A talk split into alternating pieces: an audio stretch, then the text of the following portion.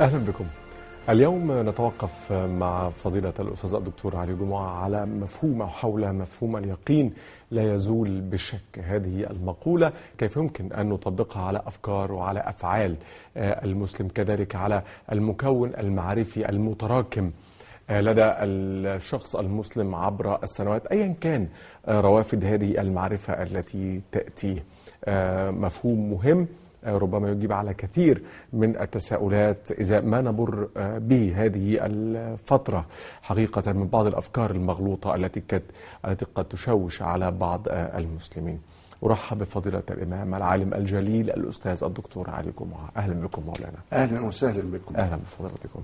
مولانا أولا هل لك أن تؤصل لنا من أين جاءت هذه القاعدة أو هذا المفهوم بأن اليقين لا يزول بالشك بسم الله الرحمن الرحيم الحمد لله والصلاة والسلام على سيدنا رسول الله وآله وصحبه ومن والاه. لما جاء رسول الله صلى الله عليه وسلم ليخرجنا من الظلمات إلى النور ومن ضيق الدنيا إلى سعة الآخرة أتى لنا بأحكام.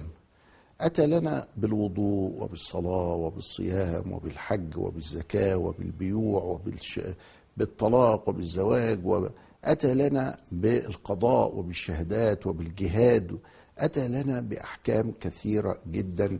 بعد ذلك صنفها المصنفون وكتب فيها العلماء وجلسوا يتأملون في الكتاب والسنة حتى يستنبطوا منها من الكتاب من آيات الكتاب ومن أحاديث رسول الله أوصافا للأفعال البشرية. يعني ما الذي هو حرام ما الذي هو واجب ما الذي هو مكروه ما الذي هو مندوب ما الذي هو مباح؟ وهذه يسمونها بالأحكام الخمسة ونتج منها مجموعة من الجمل الكثيرة التي سبق أن ذكرنا أنها وصلت إلى مليون ومئتين ألف جملة. الصلاة واجبة الظهر أربعة العصر أربعة ال ال الخمر حرام. الجملة كده جملة مفيدة معانا مليون ومئتين ألف فرع فقهي لما اتسع الأمر كده مليون ومئتين ألف مين اللي يحفظ؟ فأتى العلماء وجلسوا يتدبرون. هل في حاجة ورا المليون ومئتين ألف نقدر إن إحنا ندخل لها بيها؟ مفيش مفتاح مفيش معادلة نصوغ بيها الكم الهائل ده. ونحفظ المعادلة فنعرف بيها على طول الحكم قبل ما ما, ما نطلع ولا قبل ما ما نعمل يعني جهد خرافي للوصول إليه. جلس العلماء يفكروا ويضموا الحاجة اللي شبيهها الفرع ده شبيه الفرع ده يحطوهم جنب بعض. ده الفرع ده أهو موجود في الزواج والطلاق. والفرع ده موجود في باب الوقف لكنهم شبه بعض فيحطوهم جنب بعض علشان يشوفوا المفتاح فين. قعدوا يدوروا على المفاتيح دي يا أستاذ لغاية ما اكتشفوا حاجة غريبة جدا. ولذلك أنا كنت بقول في حلقات سابقة الناس اللي بيقول لك بلا وحي بلا خلافة أصل دول انبهروا بالوحي. راحوا يبحثوا في الوحي فلقوه مظبوط. لقوه إنه في غير طوق البشر إنه حد يعمل كده. فلقوا كل المليون ومئتين ألف فرع دول وراهم خمس مفاتيح. ليهم خمس أبواب.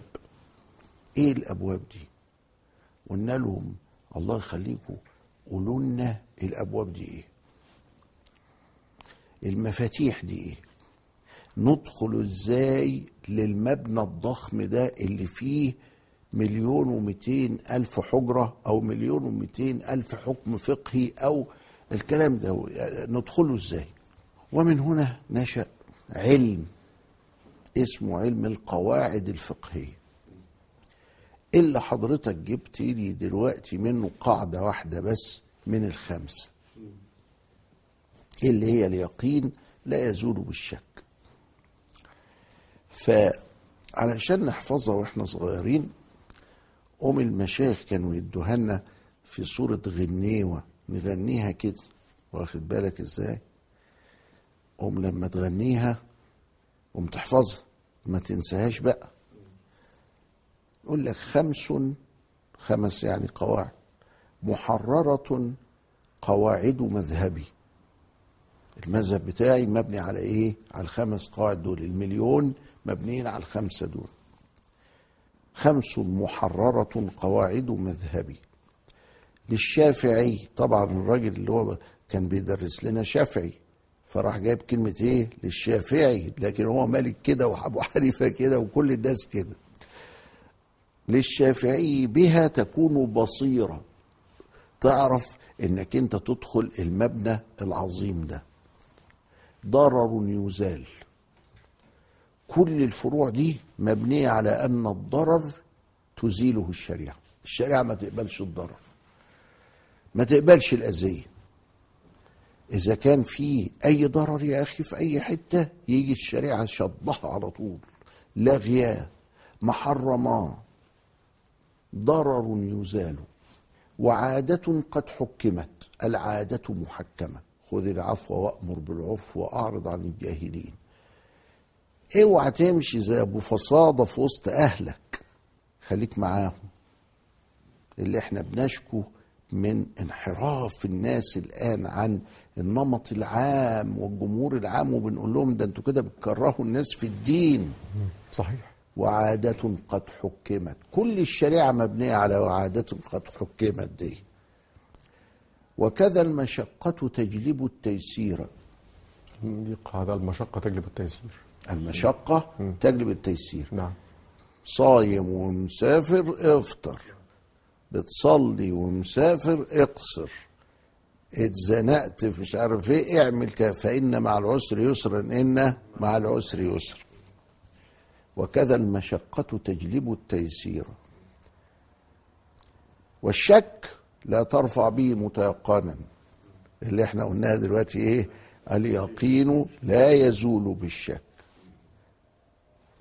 وخلوص نية إن أردت أجورا خلوص النية اللي هي إنما الأعمال بالنيات يعني الأمور بمقاصدها. إذا مولانا آه، حضرتك تكرمت وتفضلت وذكرت لنا بأن هناك آه، خمس قواعد آه، فقهية. إحدى هذه القواعد هي قاعدة أن آه، أن اليقين لا يزول بالشك. لا يزول بالشك. لا يزول. لكن الخمسة دول هم المفاتيح اللي نقدر ندخل فيهم على أي فرع فقهي. أي فرع من المليون وشوية هتلاقيهم منتمي راجع منبت من الأرضية دي بتاعت الخمسة دول. جه العز بن عبد السلام قال مش خمسة كتير. إيه اللي بيجمع الخمسة دول؟ واخد بالك؟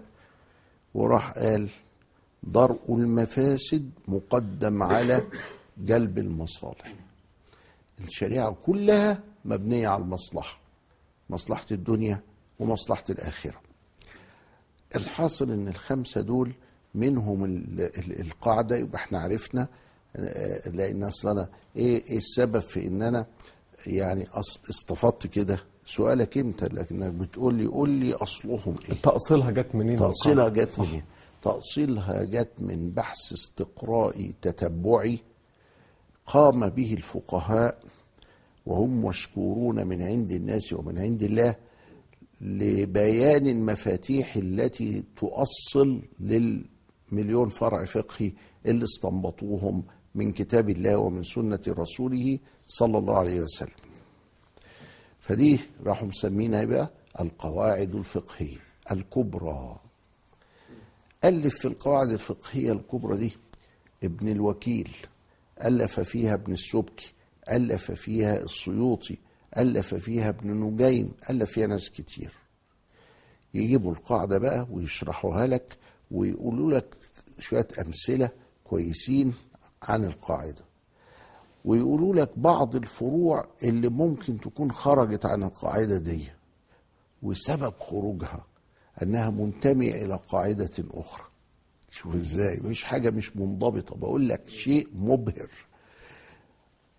إيه سبب استثناء الفرع ده من القاعدة دي؟ إنه أصله تبع قاعدة تانية. خلي بالك يبقى في تنازع ما بين القاعدتين. طب وإيه حاكم إن أنا وديته هناك مش هنا؟ المصلحة. الإيه؟ المصلحة. ومشوا على هذا يا أستاذ في كل حاجة. وإحنا بقى لما خلصنا المرحلة بتاعت الكلية وبتاع ورحنا للدراسات العليا راحوا بقى مدرس لنا الخلاصات دي. تعالى و... وكان عندنا اللي يدرسها لنا سيدنا الشيخ جاد الرب رمضان الأشباه والنظائر. فيأمرنا بإن إحنا نحفظ القواعد دي كده. واخد بالك؟ يعني حكاية الغنيوه اللي بيقولوها لنا دي علشان نحفظها الأول هي في الحقيقة بتخلي الواحد مستحضر على طول. مش أقول لك خمسة وبعدين أقول لك اصل أنا نسيت واحدة. لا على طول أقول لك ضرر يزال وعادة قد حكمت وكذا المشقة تجلب التيسير والشك لا ترفع به متيقنا وخلوص نية إن أردت أجورا خمس محررة قواعد مذهبي للشافعي بها تكون بصيرة. أقول كده على طول قوم يبقى معانا الفقه كله إيه؟ قدامنا واضح قدامنا السيوطي قال إيه بقى؟ على فكرة الخمسة دول تفرع منهم وخلفوا خمسين قاعدة. والخمسين قاعدة دول برضو تفرع منهم وخلفوا شوية كمان قد 200 قاعدة. لما كبرنا بقى قوم عملنا مش- مشروع تبع منظمة التعاون الإسلامي اللي فين؟ اللي في جدة. تبعها مجمع فقهي يا جماعة عايزين نعمل مشروع. إيه المشروع ده؟ إن إحنا نجمع كل القواعد اللي ذكرت في كل الكتب. وابتدينا نشتغل على كده. وفي النهاية واللي تولى الصرف على المشروع ده الله يرحمه الشيخ زايد. وبعد سنين استطعنا إن إحنا نطلع بتاع عشرين مجلد في القواعد دي اللي إحنا درسناها على سيدنا الشيخ جاد اللي هي وإحنا صغنطوطين آه، آه، قالوا لنا إيه الأغنية. الأغنية أنت واخد بالك من نعم. النسق ده آه. آه ده نسق كده أهو اللي بيحرمه بيحرم الخير الكثير نعم. نرجع للقاعدة بقى لأن عرفنا هي جاية منين ورايحة فين طيب ممكن نرجع لها بعد الفاصل آه تمام. طيب أشكر. فضيلتك شكرا جزيلا. نراكم بعد الفاصل أهلا بحضراتكم مرة أخرى مشاهدينا وهذه الفرصة الطيبة يعني الحقيقة لكي ننهل من العلم. وربما إحنا أمام معلومات وأمام معرفة الحقيقة يعني ممكن بالنسبة لكثير منا ربما يسمعها آه، للمرة الأولى في حياته.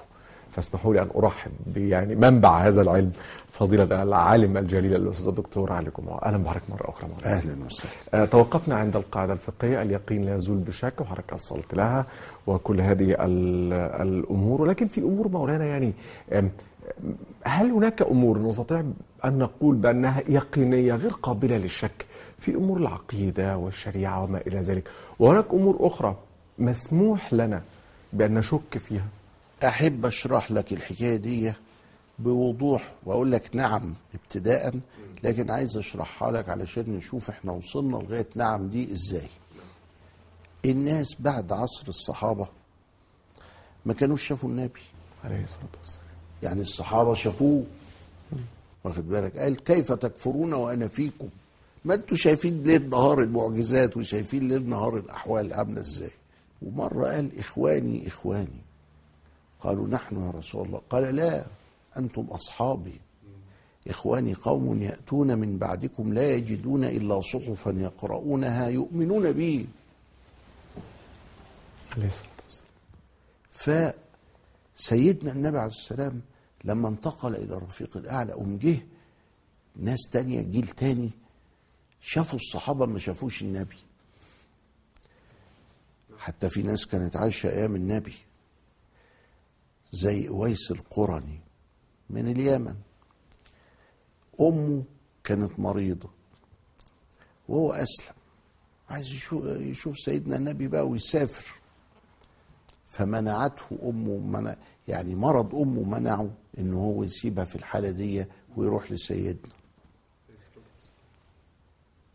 فكان سيدنا أوحي إليه بالحالة دي. فقال عمر يا عمر ترصد أويس القرني واجعله يدعو لك فإنه مستجاب الدعوة. حبسته أمه أن يلحق بي. وكان عمر يقعد في الحج ويسأل الناس يا جماعة ما عندكوش حد من من القرنية؟ قرن يعني من قبيلة قرن. ما عندكوش حد كذا لغاية آه، آه، ما ما راح لأويس ده هو ابن عامر. لما جه في مرة بقى في زيارة لمكة يعني. لمكة. جاي حج كويس. فقال له أنت أنت أويس القرني؟ قال له آه مش واخد خوان فمسكه. قال له ده النبي موصيني بيك. وقال لي كذا وكذا وكذا وقال لي لازم تدعي ادعي لي اويس خاف من إنه ده يشيع بين الناس والناس إيه تعمله ولي وتلتف حواليه ويفتن في هذا. فدعا له وتخلص منه وبعد كده ما سماش نفسه أويس أويس على فكرة ده هو اللي المصريين بيقولوا عليه عويس عويس. وهو مدفون عندنا في آه، طفيح عندنا هنا في في بني سويف آه في آه، هو. اللي هو آه، الصحابي أويس القرني ما هو ده مش صحابي آه مش الصحابي لأنه. لم لم لم يرى النبي إنما هو. كان موجودا نعم. في عصر النبي نعم. بس ما لقاهوش فبقى تابعي صحيح. ما هو ده العبارة بتاعته أيوه أيوه آه أيوه, أيوة.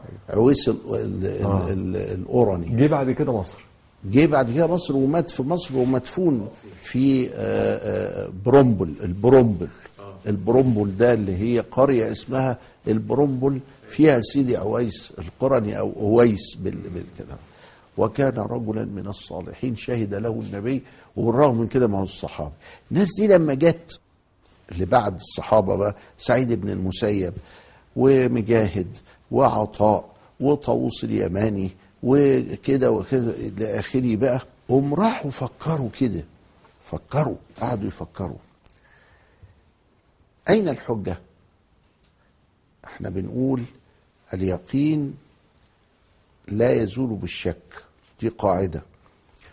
وإحنا دلوقتي هنشوف بتقول لي هو كل الدين قطعي ولا منه قطعي وظني؟ لا منه قطعي وظني. طب إزاي؟ راحوا مفكرين بقى. قالوا الله هو إيه الحجة؟ وتوصلوا بعد أبحاث إلى أن الحجة هي كتاب الله وسنة رسوله قالوا طيب الحجية خلاص في كتاب الله وفيما تركه لنا رسول الله صلى الله عليه وسلم. طب إزاي نتأكد إنه ده كتاب الله؟ قال يبقى لازم الجماعة العلمية الناقلة هي اللي تقول.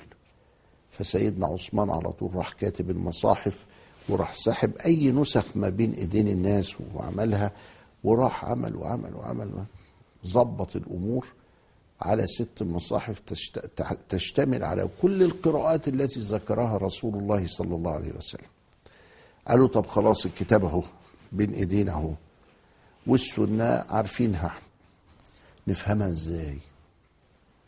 فقالوا باللغة العربية. قالوا يبقى لازم نحافظ عليها. وبدأوا في الحفظ للغة العربية. بدأوا في حفظ الشعر وكان ابن عباس يقول الشعر ديوان العرب ومرة واحد اسمه نافع بن الأزرق لقى ابن عباس بيتكلم كده أهو في الكعبة فقال الصبي الصغير ده بيتكلم في العلم ليه كده؟ دي عملية خطيرة. فراح يختبره. فيجيب له آية من القرآن أو كلمة من القرآن فيقول له نعم معناها كذا. فيقول له وهل تعرف العرب ذلك؟ ودي سموها مسائل نافع ابن الأزرق مطبوعة موجودة. 80 سؤال لغاية ما اطمأن إلى أنه هو قدام حبر الأمة. سيدنا ابن عباس اللي دعا له النبي عليه الصلاة والسلام. ف 80 سؤال يقول له نعم تعرف العرب ذلك؟ عنترة قال امرؤ القيس قال آه، طرفة بن العبد قال كعب بتاع ده زهير بن أبي سلمى قال فلان قال علان قال. ده حافظ الشعر. حافظ على كل كلمة البيت اللي فيها إنه ده معناها إيه؟ من لغة العرب. علشان من لغة العرب. وراح سيدنا علي مخلي التلميذ بتاعه كان اسمه أبو الأسود الدؤلي يكتب النحو ويظبطه علشان نفهم الكتاب والسنة. وابتدت الأمور تتراكم وبالشكل ده. لما جم يفهموا الكتاب والسنة اختلفوا. الآية اللي قدامي دي معناها إيه؟ فربنا بيؤمر الست المطلقة إنها تقعد ثلاثة قروء. القرء بقى معناه إيه؟ الحيض ولا الطهر. ممكن وممكن. العرب قالت كده وقالت كده. قالوا يبقى في ظن. يبقى في ظن. السؤال بتاعك أهو جبناله أهو. مش كل حاجة كده. لكن كلنا اتفقنا إن الخمر حرام. مظبوط. كلنا اتفقنا مفيش حد قال إن الصلاة مش واجبة. محدش قال انه يجوز للمؤمن المسلم إن هو يزني. محدش قال ابدا إن الكذب صح. فتكون عندنا حاجة اسمه القطع وتكون عندنا حاجة كبيرة قوي بقى اسمه الظن.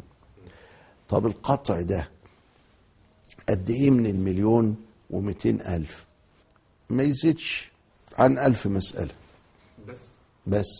ده القطعي ده ده. القاطع مفيش والباقي كلام. والباقي ظن والباقي كله ظن خلاص. يبقى اذا ده مش إيه ده مش بيقهرني ولا حاجة ده واحد في الألف. بيمثل هوية الدين بيمثل الإناء الذي لابد أن نضع فيه الدين. ولذلك محدش لا من الجن ولا من الإنس ولا من الشرق ولا من الغرب ولا من السلف ولا من الخلف اختلفوا في الألف مسألة دول. واخد. بالك. آه. بعض الناس بقى دلوقتي يسيب لك المليون ويمسك في الألف دول عايز ينخرب فيهم طب ما أنا عندي مساحة ظن كتير أفكر فيه و... ما تفكر زي ما أنت آه، عايز إنما ليه ما فكرش حاجة أشك, أشك في الواحد في الألف اللي هو واحد المؤكد في الألف واحد في الألف. يسيب كله ده يسيب 999 وماسك لي في الواحد يقول لي طب ليه أنت بتحرم على الخمرة؟ عشان بتذهب عقلك. طب وايه يعني لما تذهب عقلي؟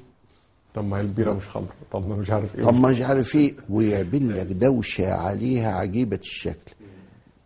ده مش شك ده تشكيك. الشك مقبول منهج نصل به إلى الحقائق نحضر به الإجابات تطمئن به القلوب. الشك ده نسعى به لغاية نصل إلى يا الحقيقة النسبية يعني أنا أصل إلى حقيقة وأنت تصل إلى حقيقة تانية ما يجراش حاجة يا المطلق الحقيقة النسبية أو المطلق.